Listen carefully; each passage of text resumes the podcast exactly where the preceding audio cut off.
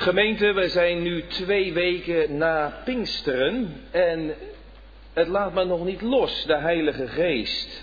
Het Pinksterfeest. Al een aantal weken zit ik na te denken over de geest als duif. Er zijn veel symbolen voor de Heilige Geest in de Bijbel. Wind, water, vuur, olie, wijn, het zegel van de geest. Maar we zien in de Bijbel ook dat de Heilige Geest eh, afgebeeld wordt door een dier, een vogel, een duif. Jona in het Hebreeuws, duif. De Heilige Geest als vogel van God. Wat wil dat nou zeggen? Er, is, er staat een lied in de bundel op toonhoogte.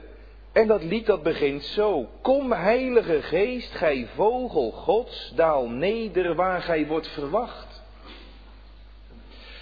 Ook in het logo, in het embleem van de PKN, de protestantse kerk in Nederland, zie je die duif terugkeren. Dieren in de Bijbel die verkondigen wat. Soms verkondigen ze ons Gods oordeel. Denk aan de oordelen in Egypte, kinderen, de plagen in Egypte, de kikkers en stof dat luizen werd, als een oordeel over de zondige mensen.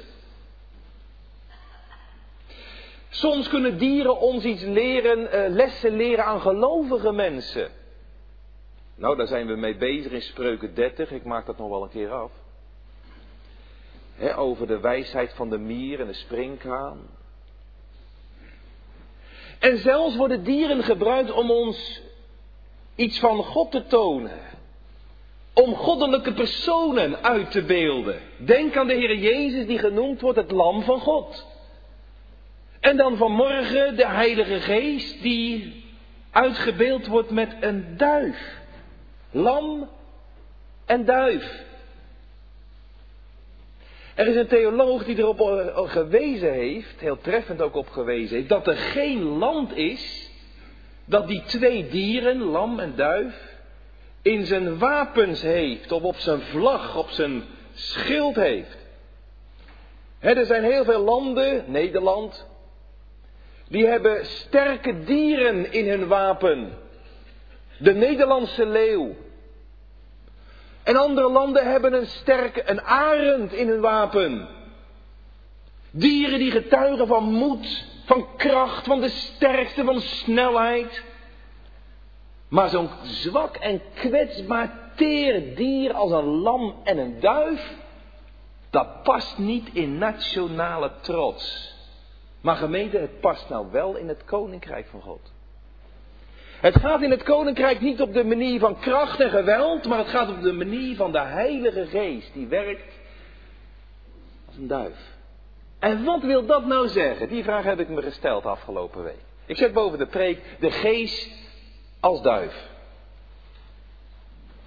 En dan gaan we op die duif letten, op drie momenten. Ik heb ze gelezen. Allereerst gaan we letten op uh, die vogel uh, bij de schepping, Genesis 1, vers 2. En de geest Gods zweefde op de wateren. Ten tweede gaan we op die duif letten na de zondvloed. Genesis 8 bij Noach. En ten derde gaan we, bij die duif, gaan we op die duif letten tijdens de doop van de Heer Jezus. Dat, dat is Matthäus 3. Dus de geest als duif. We letten ten eerste op die duif, op de Heilige Geest bij de schepping. Ten tweede na de zondvloed. En ten derde bij de doop. Nou gemeente, Genesis 1 vers 1. De kinderen kennen het uit hun hoofd. Wat staat er in Genesis 1 vers 1? Ik denk dat bijna alle kinderen het wel kennen. In den begin schiep God de hemel en de aarde. En wat staat er in Genesis 1 vers 2? Ja, dan wordt het al een beetje stil. Trouwens, een machtig begin, gemeente. Dat eerste vers van de Bijbel. God staat aan het begin. Hij is de Alfa. In den begin schiep God staat er letterlijk in het Hebreeuws een woord voor een, een, een, een, meervoudig woord. Goden staat er letterlijk. En voor het woordje schiep staat een enkelvoudig woord. Goden schiep. Zit daar al iets in van de drie enige God? Niet goden scheppen, Een meervoudig woord en een meervoudig werkwoord, dat is bij de heidenen zo. Goden, die, die, die schiepen de wereld. Maar hier staat goden letterlijk, de drie enige God, schiep. Drie enig. Hij schiep. Het scheppingswerk heeft te maken met de Vader, de Zoon en de Heilige Geest. De Vader, de Almachtige Schepper. De Zoon die het Woord is, het licht, daar zij licht. En de Heilige Geest zien we al in vers 2. De Geest God zweefde op de wateren. Nou, zo begint de Bijbel. Wat is er nou voor dat begin? Voordat in den beginnen is daar ook nog wat? Voor de schepping, voor de grondlegging der wereld. Is er nog wat voor dat begin? Voor Genesis 1 vers 1. Ja, weet je wat daar is? Daar is God. De drie enige God die van eeuwigheid af is. De Vader, de Zoon en de Heilige Geest. En gemeente, wij kunnen het wel een beetje ervan stamelen natuurlijk. We praten de Bijbel maar na. Maar die drie die waren in een ongekende heerlijkheid, liefde, gemeenschap met elkaar. De zoon die lag in de schoot van de vader. De boezem aan het hart van de vader. Zo intiem, zo nabij. De liefde die er onderling was. Voor de grondlegging der wereld tussen die drie goddelijke personen. De heerlijkheid die daar was. Hij was de enige en de geliefde zoon. In de schoot, de warmte, de nabijheid, het vertrouwen van de Vader. En de geest was de band der liefde. Er staat in de Bijbel, toen was eh, de Heer Jezus de Zoon van God, hij was Gods troetelkind. Een en al verrukking waren die drie. Dag aan dag. En ze hadden vermaak in elkaar. God was niet alleen. God was niet alleen. En hij had geen mens nodig. En toch wilde hij de mens scheppen. Weet je wat er ook was voor die grondlegging der wereld? Niet alleen die drie goddelijke personen. Er was ook een overleg tussen die drie goddelijke personen. We noemen dat wel de vrederaad. Ze hebben met elkaar gesproken. En weet je waar ze over gesproken hebben? Ze hebben gesproken over de zaligheid van de uitverkorenen. Dat er een gemeente zal worden gevormd die eeuwig zalig mag leven in het vaderhuis. Nee. Dat er een zeker getal van mensen zal zijn, de gelovigen, die ze zullen gaan behouden. Terwijl die gelovigen nog ineens bestonden, terwijl de wereld er nog ineens was. En toch, kinderen van God in ons midden, mag ik het een keertje zeggen zo? Waren wij al het onderwerp van gesprek gesprek tussen die drie goddelijke personen voor de wereld er was. Dan gaat het je toch duizelen. Uw liefde heeft me uitverkoren. Ja, eer ik nog was geboren. Eer Gods hand die alles schiep. Had uw liefde mij al uitverkoren. Nou, dan staat er in het begin schiep God de hemel en de aarde. De hemel en de hemelingen, de engelen en de aarde. En de morgensterren, de engelen, die juichten toen God de grondlegging van de wereld vaststelde. Nou, en dan komen we bij vers 2, onze tekst. En de aarde nu was woest en ledig en duisternis was op de afgrond en de geest God zweefde op de wateren. Weet u, er zijn eh, een aantal verklaarders en ik geef dat nou zomaar eens aan u ter overweging. Er zijn een aantal verklaarders die zeggen dat woordje de aarde nu was. Dat woordje was kan je net zo goed vertalen met de aarde nu werd woest en ledig. Dat woordje was, dat is hetzelfde woord als in vers 3 waar staat en daar werd licht. Precies hetzelfde woord. Alleen in vers 2 is vertaald met was en vers 3 met werd. Het is je zou kunnen vertalen met daar de aarde nu werd woest en ledig. er zijn een aantal grote mannen geweest die hebben gezegd, ja hoe kan God nou die licht is, de duistere aarde scheppen? Dat kan toch helemaal niet? En hoe kan God die, uh, ja, een volheid is, hoe kan hij nou een lege aarde scheppen? Dat kan toch eigenlijk niet? Hoe kan nou een God die orde is, chaos, een woeste aarde scheppen? Dat kan toch niet? En er staat de aarde nu woest, ledig en duisternis. Duisternis, dat is toch te maken met kwaad, heeft toch te maken met oordeel. God is toch licht, heeft toch niks met die duisternis te maken? En zo zijn er theologen opgekomen. En die hebben doorgedacht daarover. De morgensterren, de engelen, die hebben toch niet gejuicht over een woeste en een ledige en een duistere aarde. En zo zijn er mensen toe gekomen om te denken, hé, hey, er is wat gebeurd tussen Genesis 1 en Genesis 2. Er is een zondeval gebeurd. De zondeval in de hemel. De zondeval van die lichtende engel, de, die een duivel werd. En dat zou best eens kunnen. De aarde was woest en ledig, een toestand van verval en verdorvenheid. Zou tussen Genesis 1, vers 1 en 2 de zondeval van de duivel, de engelen en zijn engel in de hemel hebben plaatsgevonden? U weet, hè, de Satan, geschapen als een goede engel. Onder God, maar hij wilde zijn in zijn hoogmoed als God. Geschapen om God te aanbidden, maar hij wilde zelf aanbeden worden. En in zijn val heeft hij zoveel engelen meegenomen en is de aarde dus ook door hem eh, kapot gemaakt, woest en ledig gemaakt. Hoe het ook zij, in ieder geval staat er de aarde nu was woest, ledig, duisternis was op de afgrond. Eigenlijk zijn dat hele onheilspellende woorden. Je gaat ervan huiveren. De aarde was woest. Dat betekent een totale chaos, ongeordend.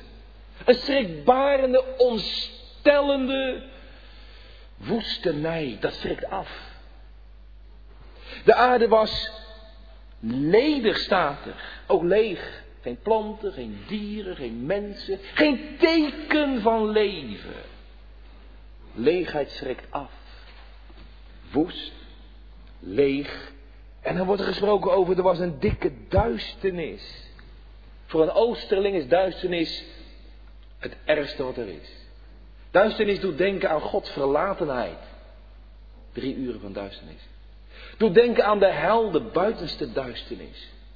Doet denken aan de dood, het dal van dikke duisternis. Ziet u hoe, ja, hoe, hoe, hoe huiveringwekkend dit tweede vers is? En er wordt er ook nog gesproken over een afgrond. En die afgrond staat er ja, die, die, die, die, die, die is gevuld met wateren. Wateren. Al zou je op de aarde kunnen kijken, dan zou je geen grond zien, je zou alleen maar een oneindige watermassa zien. Woest, leeg, duister en een afgrondelijke zee. Daar loop je hard van weg. En juist nu lezen we voor het eerst in de Bijbel over de geest van God. En de geest van God zweefde op de wateren. De Heere, en dat vind ik zo rijk, zo troostrijk, tegen die huiveringwekkende achtergrond. De Heere zendt die geest op die woeste, ledige, duistere, ellendige massa, waar iedereen bang voor is. Die geest is aanwezig en die is actief werkzaam. Hij zweefde de wateren. En voor dat woordje zweven staat een woord dat letterlijk betekent fladderen. De moedervogel. Fladderen. Zoals het komt er één keer voor in het Oude Testament. Die bekende tekst van die arend. Hè? Die jongen, die jonkies, die, gaan het, die wordt het nest uit. Die moeten leren vliegen. En dan, dan als die jonkies ja, proberen te vliegen, dan is die moeder arend die zweeft boven die jongen, die houdt die jongen in liefde en zorg in de gaten. Want als het misgaat, dan kan ze eronder duiken. Zweven, niet, op, niet heen en weer, maar op en neer. Zwevend, in de gaten houden, in zorg en liefde. Oog in het zeil houden, bewaken. En zo heeft God gezweefd boven Israël in de woestijn. 40-jarige woestenij, wat woest en ledig was. En zo hou als het ware de Heilige Geest een oog in het zeil op die woeste, ledige, duistere aarde. Als een moedervogel. Er zijn sommige rabbijnen die zeggen, de geest God zweefde, een moedervogel, Het woordje geest is vrouwelijk, moedervogel. Er zijn rabbijnen die denken hier inderdaad aan de duif. De duif. Een moederduif die zweeft over het ei en dat ei dat is dan de aarde. Om in de weg van zes scheppingsdagen het vorm en inhoud en mooi te maken, die woeste en ledige massa. Leven en licht te brengen, nieuw leven. Gemeente, mag ik dit eens toepassen? Dit is het eerste gedachte, hè? Genesis 1, bij de schepping. Die moedervogel, die duif. Mag ik dit eens toepassen op u en op mezelf? Een prachtige mooie troosttekst. Als ik lees in de Bijbel hoe u en wij en ik, hoe wij beschreven worden. Zoals we geboren worden met een zondaarshart. En ik leg mijn zondaarshart, als ik daar ontdekkend licht over krijg. En ik zie voor het oog van God wie ik in zijn ogen ben. En ik leg er dan Genesis 1 vers 2 naast. Dan zie ik frappante gelijkenissen. Wie een klein beetje zelfkennis hebt gekregen. In het licht van een heilige, rechtvaardige en een reine God. Die moet tegen zichzelf gaan zeggen. Het is bij mij van binnen zo'n chaos. Dat woeste en dat lege, zonder vorm van geestelijk leven. Die duisternis, wij worden genoemd kinderen van de duisternis, die werken van de duisternis doen. Zoals je geboren wordt, een mens in zijn natuur staat. Geen geestelijk leven. Geen licht. Zonder licht. Duisternis. Zonder God. Een verloren, een verdorven, een vervallen toestand. Vervreemd van het leven Gods. En dat is nou allemaal gekomen door de zondeval. Door de zonde van de mens. Een afzichtelijke, walgelijke massa is het van binnen. O gemeente. Om zo jezelf eens te leren zien. Voor het eerst, maar ook daarna hoor. Ook daarna. O God, wat is het van binnen een woest, leeg, duister. Een afgrond. Een beerput. Een vuile bron. Ik geloof dat Saulus zich zo heeft leren kennen. In al zijn godsdienstigheid. Toen kwam de Heer Jezus in zijn leven. Hè? En toen viel hij op de grond en toen werd hij van ziende werd hij blind. Toen werd het duister voor hem. En denk er omdat hij in die drie dagen van duisternis, toen het nachtelijk donker werd, dat hij er iets van ingelezen is wat het nou betekent om met je al je godsdienst voor God woest en leeg en duister een afgrondelijke massa zonde te zijn. En wat de geest nou deed in de schepping, dat doet hij nou ook in de herschepping. En juist bij zo'n klomp zonde gaat die geest zweven. Dat vind ik zo troostrijk. ik, ik lees, in Handelingen 2 niet alleen dat er bij die 120, die smachten, die verlangen, die verwachten, die baden, die volharden en smeekten om die geest. Ja, daar kwam die ook. Maar als je nou niet bidt en niet smeekt en niet tien dagen volhardt en niet verlangt naar die geest en het is alleen maar een doodse ellende. Nou, dan biedt Genesis 1 vers 2 wel troost.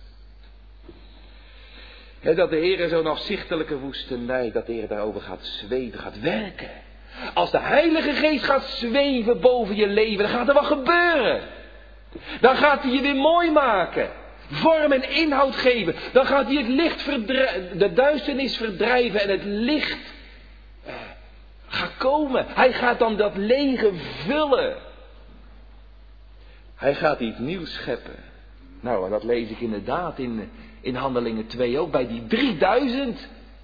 Nou, die 3000 die waren geen sprankje, met alle godsdienst, geen sprankje geestelijk leven. Het was woest als het ging over de Heer Jezus. En het was leeg en het was een afgrond. En dan gaat die geest zacht en snel komt hij aangevlogen op die Pinksterdag. En dan gaat hij zweven. En dan gaat er iets nieuws geboren worden. In die harten van die 3000. Nou, dat is, dat is de eerste gedachte. Waar de geest gaat zweven boven de schepping, dan gaat iets moois komen. Waar de geest gaat zweven over een zondagshart, Er gaat iets nieuws gebeuren. En waar de geest gaat zweven over een bestaande gemeente, de Maranatha-kerk. Er gaat iets moois komen. Ja, dat is mijn gebed gemeente. Het is vaak in de kerk, ook als je alleen al de krant leest, wat voor een chaos er is. Er kan geen onderwerp zijn, hè? Of er is verwarring over. Nou had ik het in het begin van de preek even over de uitverkiezingen en zo, hè? Misschien zat je al topje van, van, van de bank. Misschien had je al zoiets van, ik niet eens. Het gaat over de uitverkiezing, het gaat over de doof, als het gaat over homoseksualiteit. Hot issue. En als het gaat over uh, avondmaal, als het gaat over gemeente. Alles, alles is discutabel. Er is zoveel verwarring. En er is zoveel leegheid. Letterlijk leegheid. Letterlijk lege. Lege stoelen, lege banken. Maar ook lege harten. Het voldoet niet meer in de kerk. Zeg me, het boeit me niet meer. Leeg, woest, woest, leeg, donker, chaos. Als de Heilige Geest nou gaat zweven, als die moederduif. Ik heb niks te bieden, heren, helemaal niks. Maar zweef over deze Maranatenkerk. En dan gaat er iets, dan gaat er iets leven, dan gaat er iets lichten, dan gaat het weer vol worden. Dan komt de lente na een barre wintertijd, waar het dor en dood en woest en kaal is. Mooi hè, dat die duif ook in hooglied voorkomt. Het stem van de tottelduif wordt weer gehoord. De winter is voorbij, de plasregen is over, de lente komt, de zangtijd genaakt. Die duif heeft te maken met nieuw leven, lente, zangtijd, vervulling. Nou, tweede gedachte. Noach. Hebben we ook gelezen. Genesis 8. Genesis 8. Nou, u kent de geschiedenis wel. Eh, daar komt inderdaad letterlijk die duif voor. We hebben het gelezen, Noach, en dan de zonvloed. En dan na de zonvloed, dan, dan weer die duif, hè, die er was aan het begin van de schepping. En dan komen we die duif weer tegen aan het begin van de nieuwe schepping, na de zonvloed, als het weer opnieuw gaat beginnen. Weer aan het begin. De wateren van het oordeel van God waren over de wereld gegaan. De ark die was gestrand op de berg Ararat. Zaten acht mensen in, allerlei dieren. En zou het nou weer droog gaan worden? Zou het nou weer droog gaan worden op aarde? En dan laat Noach, doet het venster open. Venster zat aan de bovenkant trouwens, doet het venster open. En dan laat hij eerst een raaf uit. Een zwarte, onreine raaf. Nou, die leeft van aas en die komt niet meer terug. Er zijn genoeg lijken die daar drijven. Die heeft genoeg voedsel. Die heeft genoeg voedsel. En dan vervolgens dan uh, een duif laat hij los. En dan staat er zo treffend, die duif die kwam terug, want hij vond geen rust, want ze vond geen rust voor het hol van haar voet. Die hele aarde was dus nog onder water en er was geen plekje waar hij zijn pootjes neer kon zetten. De wateren waren nog niet voldoende afgenomen, was nog geen stukje droge grond. Die duif kwam weer terug. En daarna een week, dan zendt hij weer die duif weg. En dan tegen de avond komt die duif terug met een vers olijfblad in zijn snavel. Hé, hey, dat is teken van nieuw leven. Dat is teken van prachtige, goede boodschap. Nieuw leven, vruchtbaarheid in de, in de, nieuwe wereld. Oordeel voorbij. Nieuwe vruchtbaarheid. En dan laat hij vervolgens nog een keer die duif los na zeven dagen. Ja, en dan keert hij niet meer terug. Dan, dat is voor het nodig het zijn. Nou kan ik die nieuwe wereld, die schoongespoelde wereld, die kan ik in bezit gaan nemen. Gemeente, ik vind het treffend dat er gesproken wordt over een raaf en een duif. Zit daar iets in? Ik denk het wel. Een onreine raaf en een reine duif. Een zwarte raaf en een witte duif. Ik denk dat dat te maken heeft, die duif is dus een beeld van de Heilige Geest. En die raaf, dat is een beeld van de zondige natuur, het zondige vlees. en die zondige natuur, mijn zondige vlees, die kan het nog goed hebben in een wereld die onder het oordeel ligt. Daar kan ik mijn voedsel vandaan halen. Maar een duif, dat nieuwe, de Heilige Geest in het hart van een gelovige, die kan niet rusten in een wereld waar Gods oordeel op rust. Die kan er niet op rusten. Wel waar het nieuwe leven openbaar komt. En ik merk in mijn hart, ware christgelovigen in ons midden, u moet dat ook herkennen. Ik merk in mijn hart die raaf en die duif. Dat nieuwe leven dat niet kan rusten in deze vervloekte wereld. Maar die zondige natuur, die raaf, die toch ook weer probeert om daar omgang mee te hebben, om daarin op te gaan. De geest, het leven en de zonde en de dood, de duif en de raaf. Wie gaat winnen? Wie gaat nou winnen in mijn leven? Een raaf die lijkt veel sterker dan een duif, toch? Veel agressiever ook. Roofvogel. Ik weet wel gemeente dat een duif die uh, lust graag van die graankorreltjes. En hoe meer ik nou de graankorreltjes van het woord van God tot me neem, des te beter heeft die duif, de Heilige Geest, het in mijn hart naar zijn zin. Derde gedachte. Dan komen we voor de derde keer die duif tegen. Dat is in het Nieuwe Testament, bij de doop van de Heer Jezus. Weer een nieuw begin eigenlijk, zou je kunnen zeggen. Bij de schepping. Net na de zondvloed, die schoongespoelde schepping, die duif. En nou ook, ja, in het Nieuwe Testament, het begin van het optreden van de Heer Jezus. En heel treffende, we hebben het, u, u kent het uit uw hoofd, eh, denk ik de doop van de Heer Jezus in de Jordaan. Daar staat er, en toen de Heer Jezus gedoopt was en hij klom op uit het water. Hij klom op uit het water. Toen daalde de geest neer. De zoon klim op en de geest daalt neer. Duif op het lam. Een duifje op het lam van God. Een offerduif duif is het enige dier, het enige vogel dat geofferd mag worden. Een offerduif op het offerlam van God. Die twee ontmoeten elkaar. Die duif die rust op de Heer Jezus. Je ziet ze daar ook weer alle drie bij de, bij de Jordaan. Alle drie de goddelijke personen. De Vader met zijn stem. De hemel die open gaat. Deze is mijn geliefde zoon. Hoorbaar. De geest zichtbaar in de gedaante van een duif. En de zoon van God in vlees en bloed aanraakbaar voor de mensen toe. Wat een tafereel daar bij die doop. Een duif en een stem. De Heer Jezus als zoon van, als mensenzoon. Eigenlijk gemeente, Eigenlijk zie ik daar een vervulling, een illustratie van de engelenzang. In mensen vrede op aarde, in mensen een welbehagen. Vrede, de vredesduif. En in die ene mens, de Heer Jezus, het welbehagen van God. In wie ik al mijn welbehagen gevonden heb.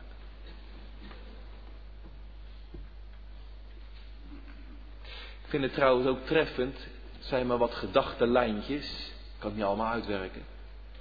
Ik vind het trouwens ook treffend dat als de Heilige Geest dan komt op de Heer Jezus, hè, dat terstond daarna dan wordt hij door de Geest geleid in de woestijn.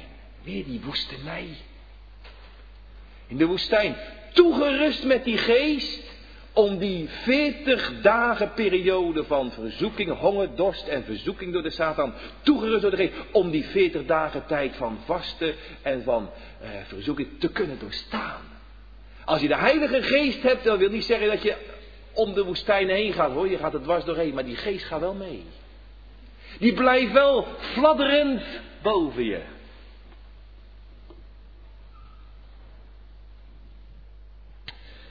Geweten, ik kijk nog eventjes naar die doop. En ik verbind wat bij met elkaar en die duif. He, zoals de Heilige Geest, zoals die duif fladderde op zoek naar rust voor het hol van haar voet bij Noach. Zo is de Heilige Geest in de tijd van de Heer Jezus. Zo was die geest als een duif op zoek naar een plaats waar die kon rusten. Maar er was geen mens waar die geest op kon rusten. Allen gezondig, niet één verstandig.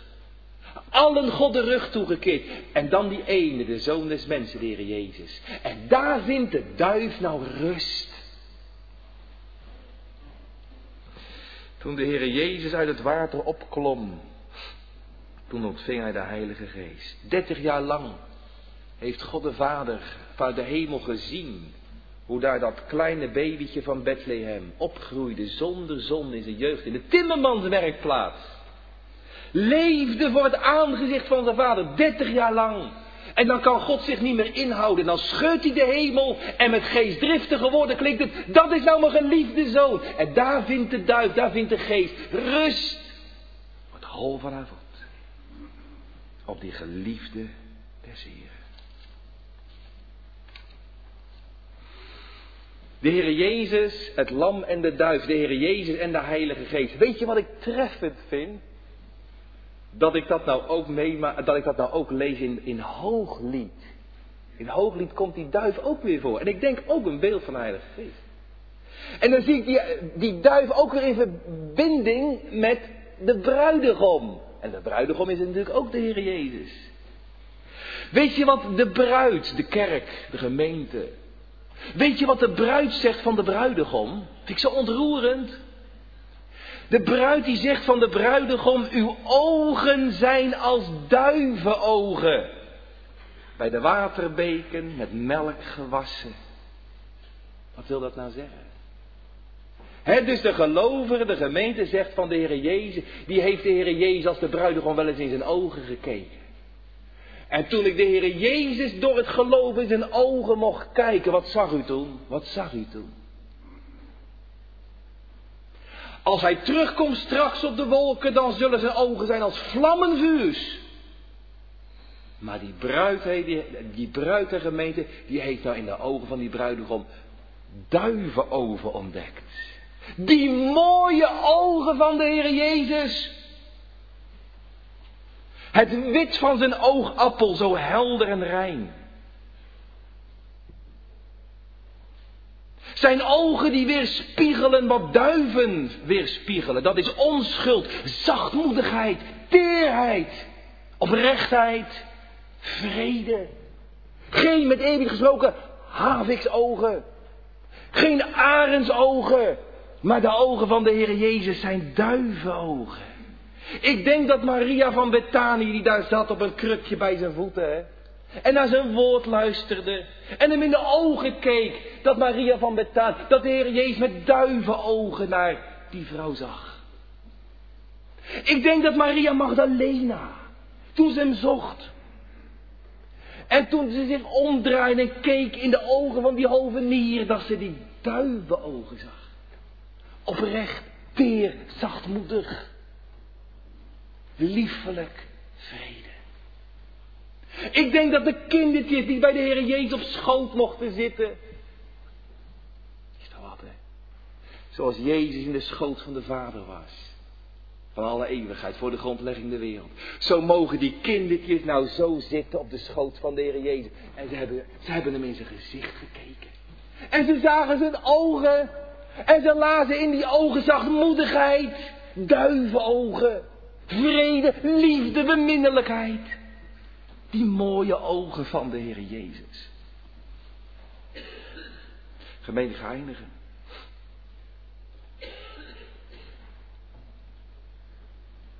Ja, misschien nog een vierde duif. Ik heb er drie gehad. Bij de schepping, bij de zonvloed en bij de doop. Misschien nog een vierde duif bij de, ja, bij handelingen 2, bij de Pinkstergemeente. De Heer Jezus was gestorven, opgestaan, naar de hemel gegaan. En toen kwam de Heilige Geest.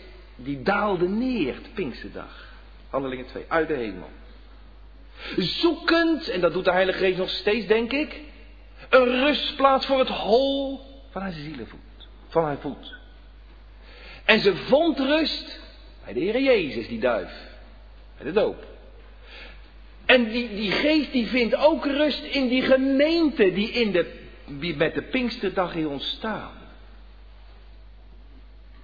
We lezen niet letterlijk van een duif bij de uitstorting van de Heilige Geest. Hoewel op veel schilderijen zie je dat wel. Dan zie je uh, ja, veel schilderijen van de Pinksterdag. En dan zie je mensen, die uh, discipelen, die hun handen omhoog en vlammetjes op hun hoofd. En dan zie je boven, in, in de opperzaal in Jeruzalem, zie je helemaal boven zie je een duif. Witte duif vliegen. Embleem van de Heilige Geest. Ik denk dat de duif nog steeds sinds de Pinksterdag tot op nu, 2008, rusteloos op zoek is naar mensen op wie hij kan landen. Op wie hij kan landen.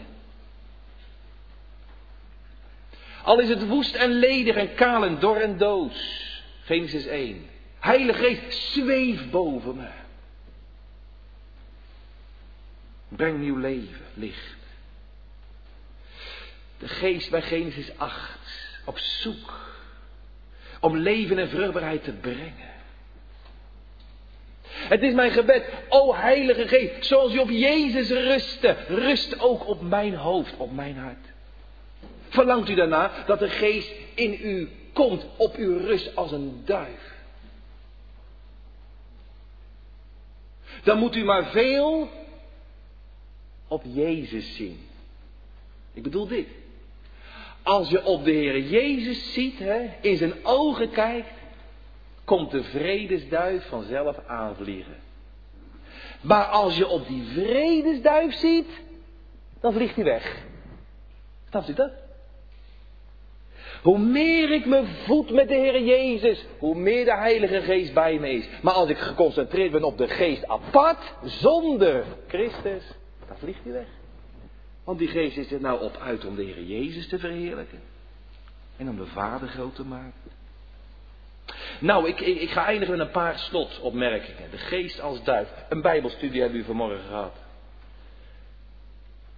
Ik heb mezelf, mezelf nog één vraag gesteld. Waarom praktische toepassing? Waarom heeft God nu gekozen voor het beeld van een duif als vogel om de Heilige Geest mee te duiden? Waarom nou? Mag ik eens gewoon een paar praktische dingen, kinderen, om te onthouden. Wij hadden in een vorige gemeente, aan het eind van de straat, zat zo'n duivenmelker. En die uh, beestjes, ja, die, uh, daar kan je wel eens prijzen mee winnen als je een goede, goed, goed stel duiven hebt. Heel verre afstanden, ze komen toch telkens weer terug naar een hok.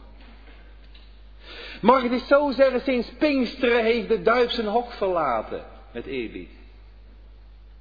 Sinds de Pinksterdag, de uitstorting van heeft de Heilige Geest de hemel verlaten. Een lange tocht, een lange afstand van de hemel naar deze aarde. Om zijn taak te volbrengen. En als die taak dan volbracht is, dan gaat hij weer terug naar de hemel. Nog steeds is de taak van de geest niet af. Hij is nog steeds zwevend in ons midden. Zwevend bezig over deze aarde om mensen toe te brengen. Je, je leest wel eens in boeken, hè, kinderen, dat vroeger dat er postduiven werden gebruikt om berichtjes te zenden. Als een leger had, een thuisfront, en er werden postduiven, en er werden aan die pootjes, er werd een klein briefje met een boodschap erin, die werd dan, werd dan zo overgebracht. Ik zie ik zie de Heilige Geest als een duif uit de hemel komen naar de aarde, naar de mensen toe. Met een boodschap. Met een berichtje aan pootje van duifje. En dat bericht is. De overwinning is door Jezus behaald. Het bericht is die blijde boodschap dat er voor rebellen en opstandelingen vergeving is door het bloed van het lam. Dat berichtje is om van Christus te getuigen. Waarom heeft God gekozen om nou juist dat beeld van een duif te gebruiken als een beeld van de Heilige Geest? Die Heilige Geest die dus ook kon wonen in mensenharten. Weet je, een duif is ook een beeld van liefde, warmte. Daarom in, in het hooglied ook vaak die duif genoemd. Liefde, warmte en trouw. En trouw. We spreken wel eens over een verliefd stelletje als dat zijn net twee tortelduifjes op de bank. Ja? Mooi om te lezen. Ja, je zit er zo een beetje te bekijken zo, hè, in je voorbereiding, studeerkamer. Heel mooi om te lezen hoe nou een duif en een doffer, een mannetjesduif. Hoe die twee nou, eh, ja, met elkaar omgaan. Heel sierlijk het liefdespel tussen die twee. En ze blijven trouw. Al is er nou nog zo'n grote afstand, maar een duif die zal altijd naar dat ene vrouwtje weer teruggaan. Dat is wat? Dat ene vrouwtje. Trouw. De geest, dat heeft te maken met warmte, met liefde en met trouw. Een duif zal altijd naar dat ene hok, naar die ene til en naar dat ene vrouwtje terugkeren. Een duif, dat, waarom heeft God nou gekozen voor het beeld van een duif? Een duif is zachtmoedig. Bij het koninkrijk van God, ik zei het aan het begin van de preek, gaat het niet met kracht en geweld, maar met teerheid. Met teerheid. Geen arend, geen roofdier, geen prooi. Je wordt niet als met klauwen en scherpe snavels gegrepen door God. Zo werkt dat niet. Zo werkt dat wel in het rijk der duisternis, maar niet in het rijk van God. God doet het op met een zachte hand. Vroeger geloofden de mensen, eh, ik weet niet of het echt zo is, maar eh, heel lang is geloofd dat een duif geen gal heeft.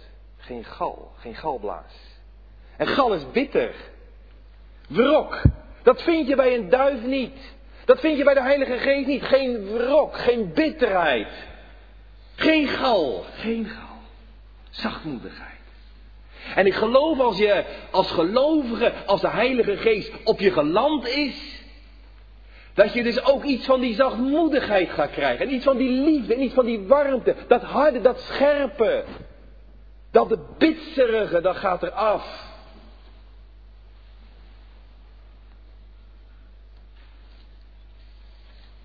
Vredestichters, dat is een duif ook. Oprechtheid, oprechtheid. Argeloos als de duiven. Oprechtheid. Niet arglistig, listig en allerlei kronkel. God maakt je oprecht als je de Heilige Geest ontvangen hebt. Reinheid. Duif is er ook een beeld van reinheid.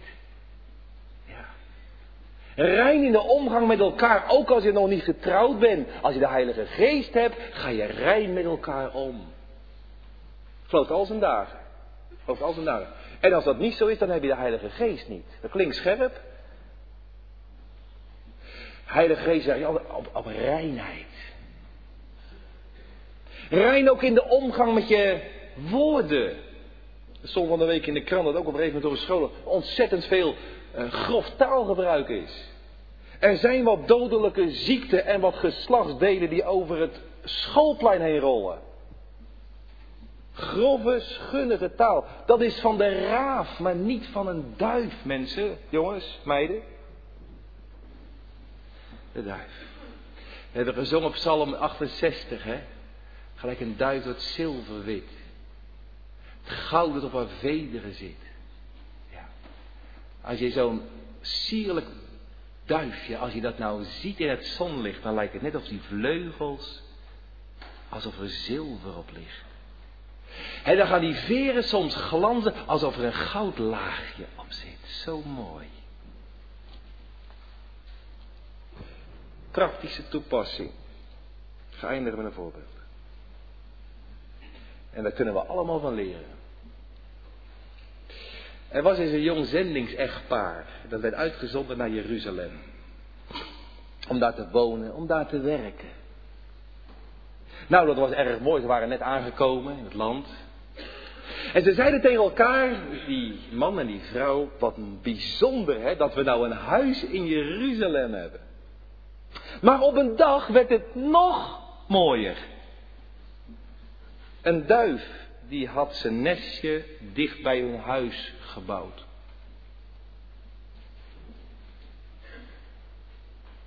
Wat prachtig, zeiden ze. Nou zijn we in Jeruzalem. Nou mogen we werken voor de zending. En nou hebben we ook nog een duif bij ons in de buurt. Maar ze merkte wel iets geks. Zodra er onrust kwam en lawaai, wanneer er wel eens een echtelijke ruzietje was, of ze wel eens heftig tegen elkaar eh, tekeer gingen, dan was de duif door de herrie spontaan verdwenen. En na een tijdje, dan kwam die duif weer. Maar als er weer eens opnieuw hard met de deuren werd geklapperd of zo, hard met de deuren werd geslagen, dan was die duif weer weg. Het is een schichter beestje. Het is zo opgeschrikt en zo weg. Soms bleef die duif dagenlang weg, afwezig. En dat echt wat dat begreep ook wel, ja, als wij zo doorgaan, dan zal er een dag komen dat hij echt weg is en dat hij nooit meer terugkomt. En dat wilden allebei, dat wilden ze toch niet. Ze wilden toch dat hij graag bleef, die duif. Maar hoe? Maar hoe? Tja, zei toen die man. Tja, zei toen die man. Nou zijn er volgens mij twee mogelijkheden. Of die duif die past zich aan ons aan. Of wij passen ons aan die duif aan. En toen ze dat constateerden, toen veranderde er veel bij dat echtpaar. En het is hen gelukt om toch een plekje te creëren waar de duif wilde blijven. Dus de mensen, moet ik dit nog toepassen of snapt u het al? Snapt u het al? Wij kunnen ook als gemeente de geest bedroeven. En als we als gemeente de geest bedroeven, doordat er wrok is, of dat we ruzie zoeken, als er herrie is in de tent, als er oneenigheid is tussen broeders en zusters, als er onmin is, waar er wrok is, dan wijkt de geest. Waar er bitterheid is, Tussen broers en broers, of zussen en zussen, of tussen broertjes en zusjes, of tussen vaders en kinderen, moeders en kinderen, tussen man en vrouw, tussen kerkgangers en kerkgangers, daar bedroeven we de Heilige Geest. En dan wijkt hij van ons. En één ding willen we toch niet. Heilige Geest van God, blijf met ons. Kom, Heilige Geest, o duif, daal neer. O dat gij bij ons blijft. Ontsteek de vlam der liefde weer in het hart van kou verstijft. Amen.